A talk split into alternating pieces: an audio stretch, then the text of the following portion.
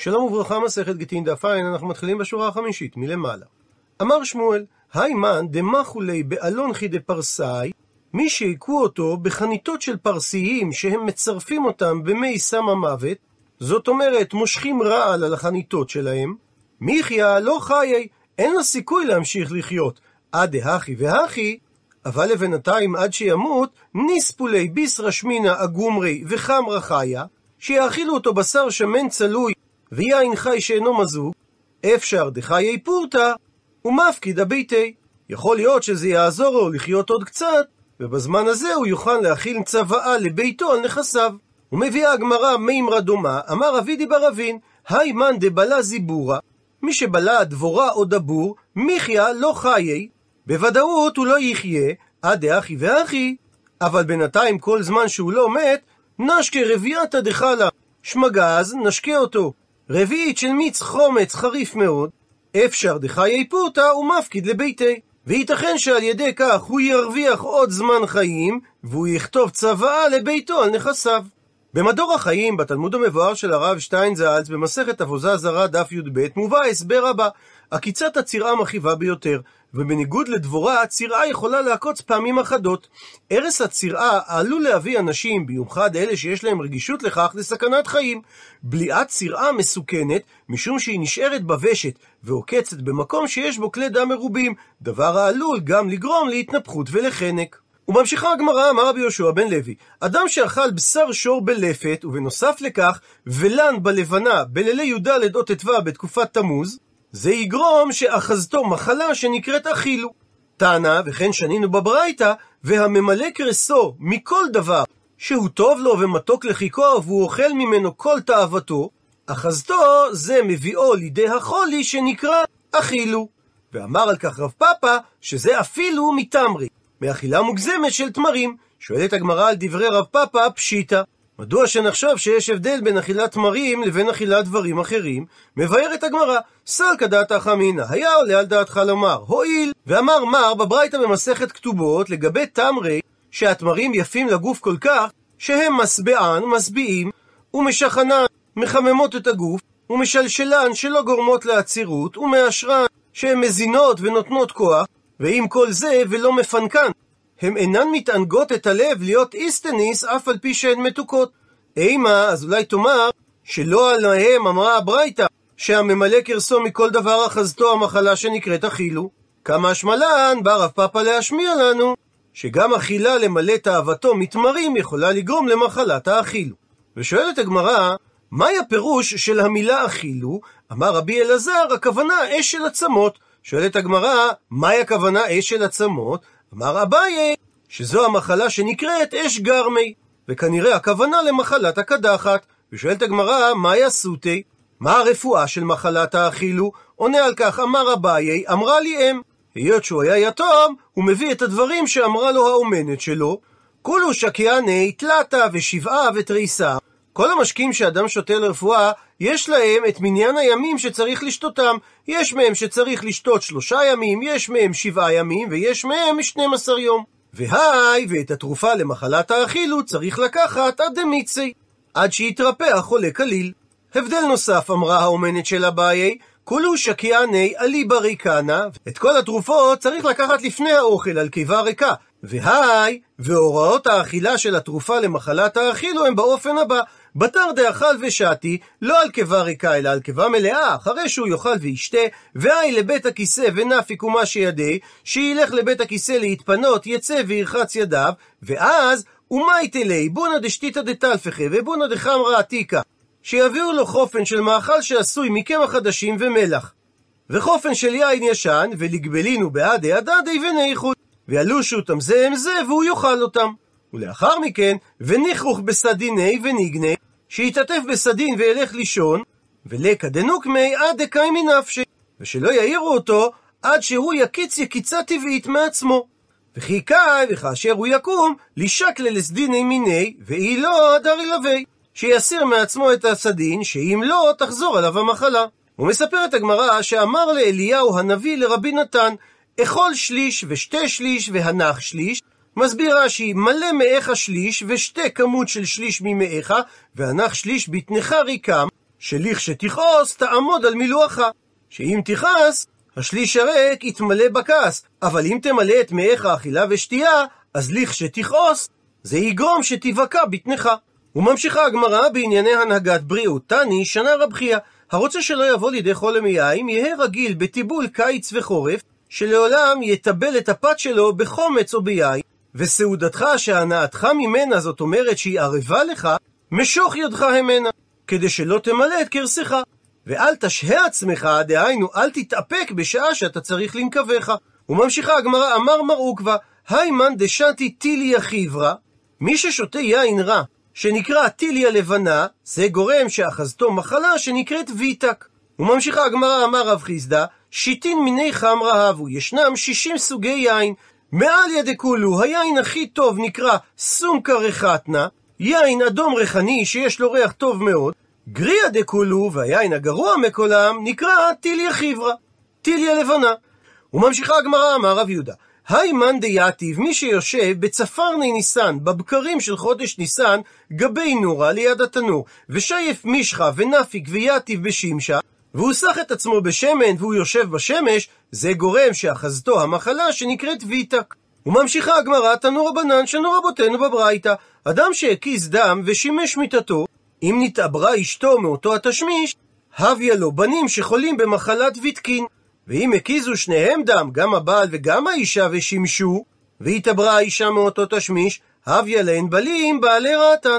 זה יגרום שיוולדו להם ילדים חלשים הרבה, מחמת שיש להם שרץ במוח. הוא מסייג את הדברים, אמר רב פאפא, לא אמרן שתשמיש לאחר הקזת דם גורם לבנים חלשים, אלא במקרה דלא תאימידי, שלאחר הקזת הדם המוקז לא שתה מיץ פטל ואכל ופל. אבל במקרה שהאדם שעבר את הטיפול הרפואי של הקזת הדם תאי מידי טעם איזשהו דבר בין ההקזה לתשמיש, ליתלן בה. אין שום חשש בילדים שייוולדו כתוצאה מאותו תשמיש. וממשיכה הגמרא, אמר רבא בר אבונה, אדם שבא מן הדרך ושימש מיתתו, הביא לן בנים ותקין. תנו רבנן, ועוד באותו עניין שנו רבותינו בברייתא, אדם הבא מבית הכיסא, אל ישמש מיתתו עד שישהה שיעור זמן שהולכים חצי מיל, והסיבה לדבר, מפני ששד בית הכיסא מלווה עמו. ואם הוא שימש את מיתתו לפני הזמן הזה, הביא לו, זה גורם שיהיה לו בנים נכפים, דהיינו חולים במחלת הנפילה. וממשיכה הגמרא תנו רבנן, שנו רבותינו בברייתא, המשמש מיתתו מעומד, אוחזתו עבית. ואם הוא משמש במצב מיושב, אוחזתו דלריה. ואם הוא משמש כאשר היא מלמעלה והוא מלמטה, אוחזתו גם המחלה שנקראת דלריה. ושואלת הגמרא, מה הרפואה למחלת הדלריה? עונה על כך, אמר רבי יהושע בן לוי, סם דלריה, התרופה כנגד מחלת הדלריה, זה דבר שנקרא דרדרה. ושואלת הגמרא, מהי זה דרדרה? עונה על כך, אמר אביי, מוריקה דחוכי. קרקום הגינה, הגדל בגדר של קוצים. ויש מחלוקת כיצד צריך לאכול את אותם מוריקה דחוכי. רב פאפה אליס ובללי, היה לועס ובולע אותו, רב פאפי לעומת זאת אליס ושדילי, היה לועס ויורק אותו. וממשיכה הגמרא בענייני כוח גברא. אמר אביי, מי שאינו בקיא בדרך ארץ, דהיינו שאין לו כוח לשמש, ליטה גימל כפיזי קורטמי דחוכי, שיביא שלושה כלים שכל אחד מהם מחזיק כמות של גימל רביעיות של סוג מסוים של כרכום, ונידוקינו ונשלקינו בחמרה ונשתי, שיכתוש אותם הדק היטב, ויבשל אותם ביין וישתה אותם. והוכחה שהתרופה הזו אכן עובדת, שאמר רבי יוחנן, הן הן החזירוני לנערותיי. וממשיכה הגמרא, שלושה דברים מכחישים כוחו של אדם, ואלו הן פחד, דרך ועוון. ומפרטת הגמרא, פחד מכחיש כוחו של אדם דכתיב, פסוק בתהילים, ליבי סחרחר עזבה ניחוחי, ואור עיניי גם הם אין איתי. הרי שהפחד, שזה הדאגה שדואג אדם על דבר העתיד, כגון שהוא טרוד על המזונות, על הפרנסה שלו, או שהוא פוחד מהאויב, דהיינו מטרור, הפסוק מכנה אותו סחרחר, שזה מוקף דאגה, וזה מכחיש את כוחו שכתוב עזבני כוחי. הליכה בדרך רחוקה גם היא גורמת להכחשת הכוח, דכתיב, גם זה פסוק בתהילים, עיניו הדרך כוחי קיצר ימיי. וגם מי שדואג בגלל עוון מכחיש את כוחו, דכתיב, פסוק נוסף מתהילים, כי חלו ויגון חיי ושנותיי בהנחה, כשל בעווני כוחי ועצמי יששו. וממשיכה הגמרא, שלושה דברים, לפי גרסת מסורת הש"ס, מתישין גופו של אדם. ואלו הן מי שאכל מעומד, או ושתה מעומד, או ושימש מיתתו מעומד. וממשיכה הגמרא שיש חמישה דברים שיש בהם סכנה שהם קרובים למיתה יותר מן החיים, ואלו הן מי שאכל ועמד מיד קודם שהושע מעט. ועל אותו רעיון, מי ששתה ועמד, או מי שהקיז דם ועמד, או מי שישן ועמד, או מי ששימש מיתתו ועמד. וממשיכה הגמרא, שישה דברים שהעושה אותם כולם כאחת ברצף אחד, מיד הוא מת, ואלו הן, הבא בדרך ונתייגע, הקיס דם ונכנס לבית המרחץ, ושתה ונשתכר, וישן על גבי קרקע ושימש מיתתו.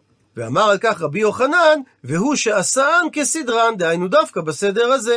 ואמר על כך אביי, שאם הוא עשה אותם כסדרן, אז הוא מת, ואם הוא עשה אותם ברצף, אבל שלא כסדרן, זה גורם שהוא חליש.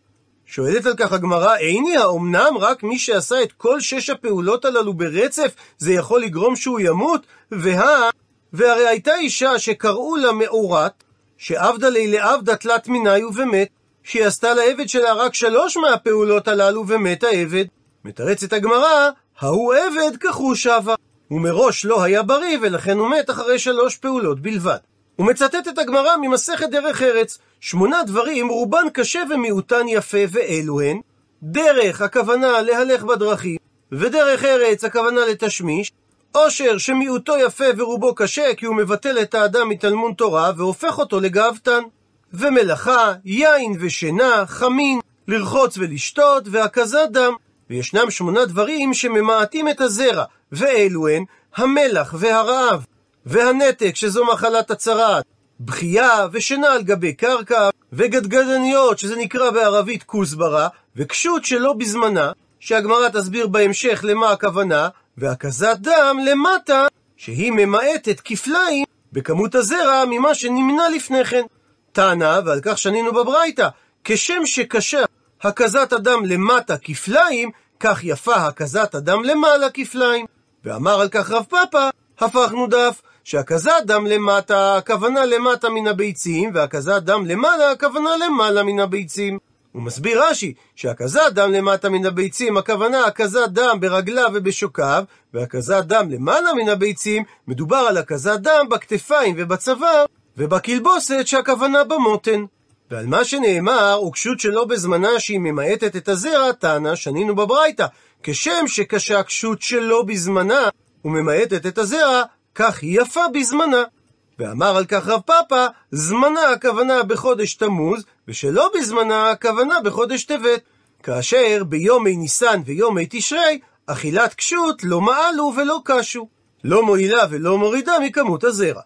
ציטוט מהמשנה, אמר הבעל, כתבו גט לאשתי, ואחזו קורדיאקוס, וחזר ואמר, בהיותו עם מחלת הקורדיאקוס, אל תכתבו, אין דבריו האחרונים כלום. ומביאה לכך הגמרא מחלוקת המוראים, אמר רבי שמעון בן לקיש, המשנה התכוונה לומר שכותבים ונותנים גט לאלתר, ואפילו כאשר הבעל עדיין נמצא בתוך חוליו, הואיל ואמר קודם לכן לתת לה את הגט, ולא אומרים שעכשיו הוא שותה ולא יכול לגרשה. ורבי יוחנן לעומת זאת אמר שהתכוונה הברייתא לומר שאין כותבים אלא לכשישתפה. ושואלת הגמרא, מהי תמא דרש לקיש שאמר שכותבים ונותנים גט לאנתר, עונה הגמרא משום דקטני שכתוב במשנה אין בדבריו האחרונים כלום.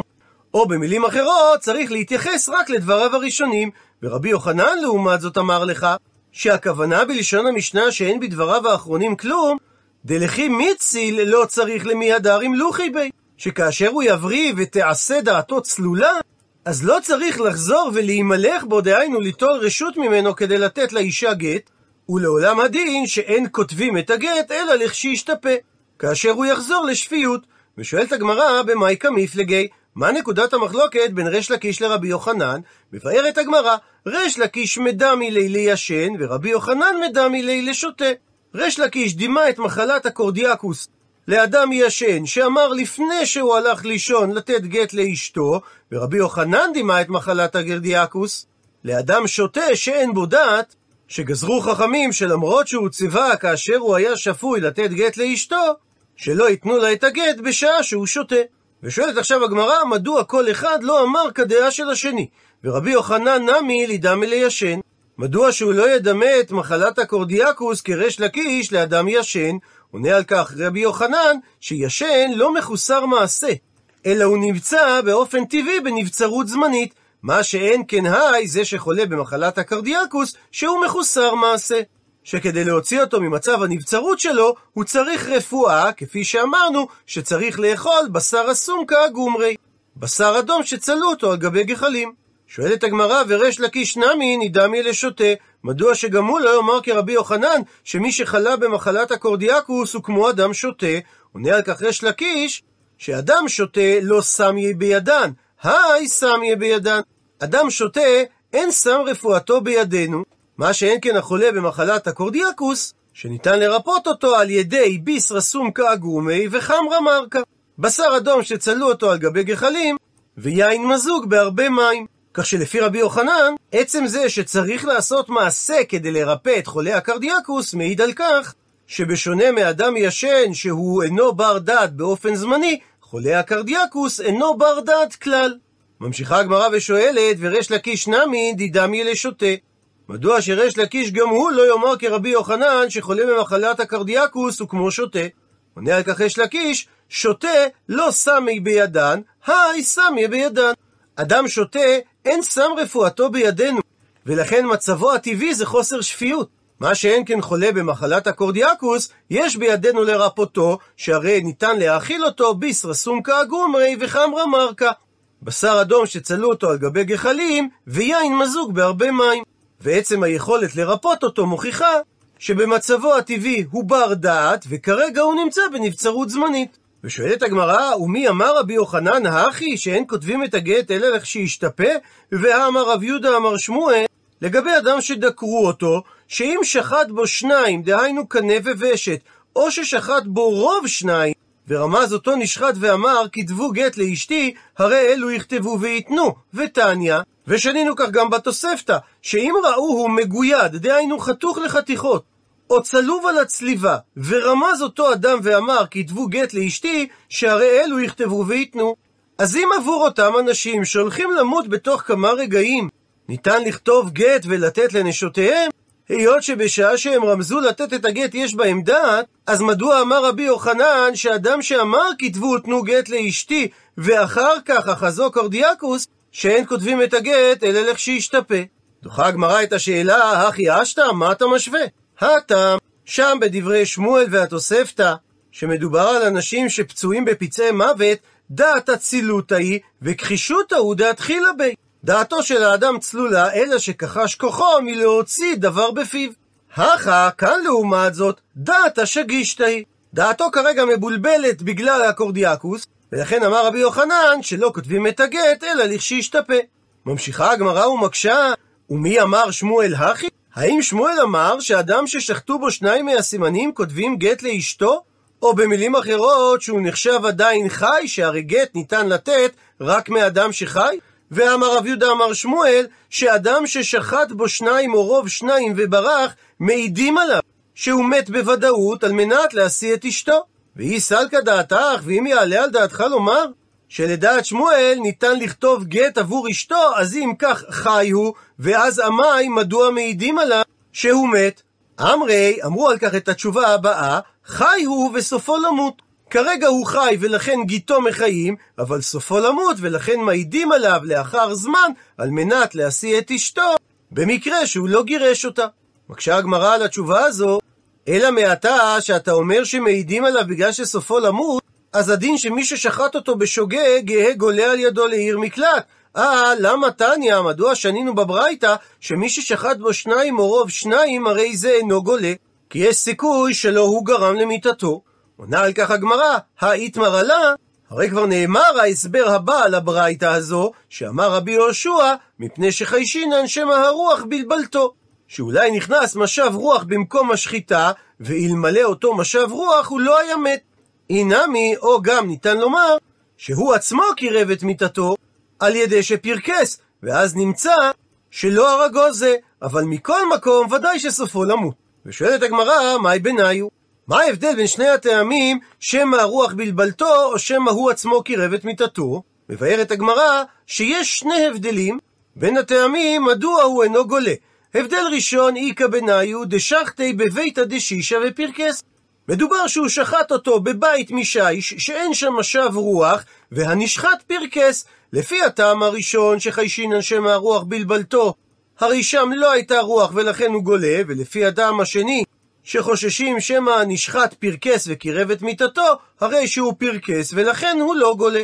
אינמי, או גם הבדל שני בין הטעמים, דשחטי בברה ולא פרקס. שהוא שחט אותו בחוץ בשוגג במקום שיש רוח, ויש עדות שהנשחט לא פרקס. לפי הטעם הראשון, חיישין אנשי מהרוח בלבלתו, ולכן השוחט לא גולה. לפי הטעם השני, הרי יש עדות שהוא לא פרקס, ולכן הוא גולה. ציטוט מהמשנה, נשתתק ואמרו לו, נכתוב גט לאשתך וכולי. ואמרה המשנה, שבודקים את הרכנת הראש שלו, שאם אכן הוא יודע לענות לאו לאו והלל הן, כותבים גט ונותנים לאשתו. ומקשה הגמרא, וליחוש דילמה שיחיה דלאו לאו נקטה, אינה משיחיה דהן הן נקטה. אולי הוא חולה בחולי של שיגעון המלמדות תמיד להרכין ראשו בהרכנת לאו או בהרכנת הן, כך שהם חושבים שהוא משיב על השאלות שלהם, אבל בעצם הוא לא משיב על דברי שאלתם. עונה על כך, אמר רב יוסף בר מניומי, אמר רב נחמן, דאמרינן ליה בסירוגין. שממתינים בין הרכנת ראשו לבין השאלה הבאה במשך כשעה, ואז חוזרים ושואלים לו את אותה שאלה עצמה, ועל פי זה בוחנים האם הרכנת ראשו מעידה על כך שיש בו דעת. מקשה על כך הגמרא, וליחוש דילמה שיחיה דסירוגין נקטי. ואולי נחשוש שתוקפת אותו עווית לשחוט ולהרכין את ראשו במרווחי זמן של שעות, שיוצאים במקרה מתואמים לזמן ששואלים אותו את השאלות. עונה הגמרא, דאמרינן לאחד לאו וטרן הן, וטרן לאו אחד הן. החשש הזה נפתר על ידי כך ששואלים אותו בהתחלה שאלה אחת שהתשובה עליה היא לאו, ולאחר מכן שתי שאלות שהתשובה עליהן היא הן.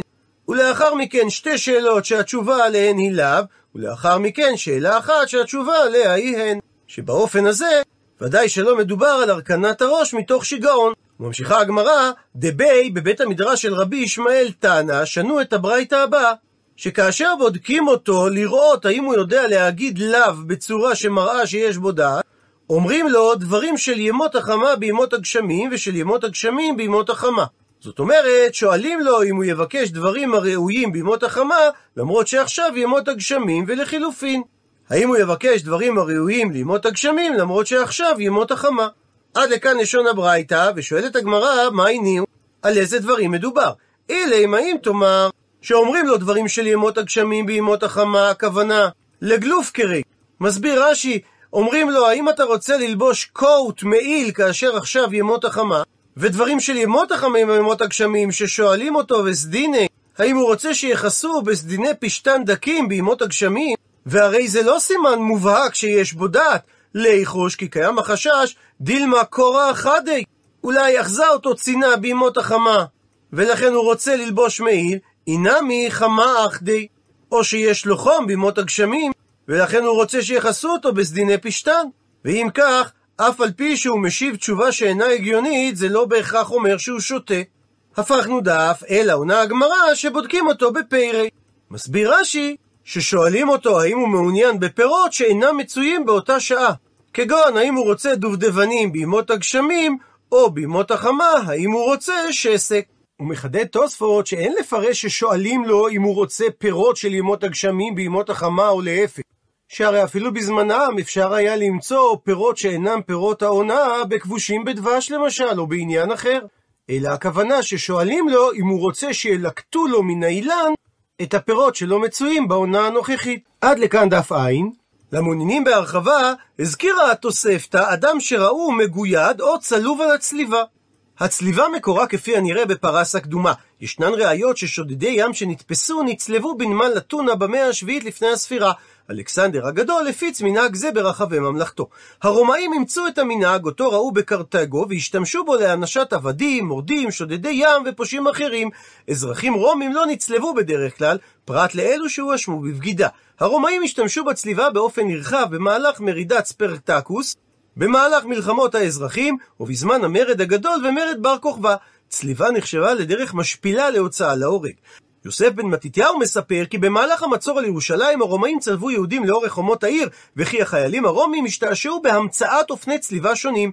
בצליבה בנוסח הרומי יכול היה הנידון למות רק לאחר ימים, וגופתו הושארה על הצלב למאכל לעופות אוכלי נבלות. על אף העובדה שיוסף בן מתתיהו, כמו גם מקורות אחרים בני זמנו, מספרים על צליבתם של אלפי אנשים בידי הרומאים, ישנו רק גילוי אחד של גופת צלוב. דבר זה אינו מפתיע, שכן הצלובים היו נותרים על הצלב זמן רב לאחר מותם, וגופותיהם לא השתמרו במצב טוב. גוויית הצלוב נמצאה בחפירות בשנת 1968 בגבעת המבתר בירושלים, בארון, ועליה שמו של הצלוב, יוחנן בן חגקול. בעקביה של הגופה היה נעוץ מסמר ורגליה היו שבורות. שרידי עץ זית בלתי מעובד שנמצאו על המסמר מרמזים כפי הנראה שהוא נצלב על עץ זית. לאחר שהוא נצלב ומת, הורידו אותו בני משפחתו מן הצלב כדי להביאו לקבורה. אלא שראשו של המסמר שהצמיד את רגלו הימנית לעמוד הצליבה היה מכופף ונעוץ בעמוד בחוזקה, וכדי לא לפגוע בגופת המת, נאלצו בני משפחתו להסיר גם חלק מן העמוד, וכך הוא נטמן בקבר המשפחה.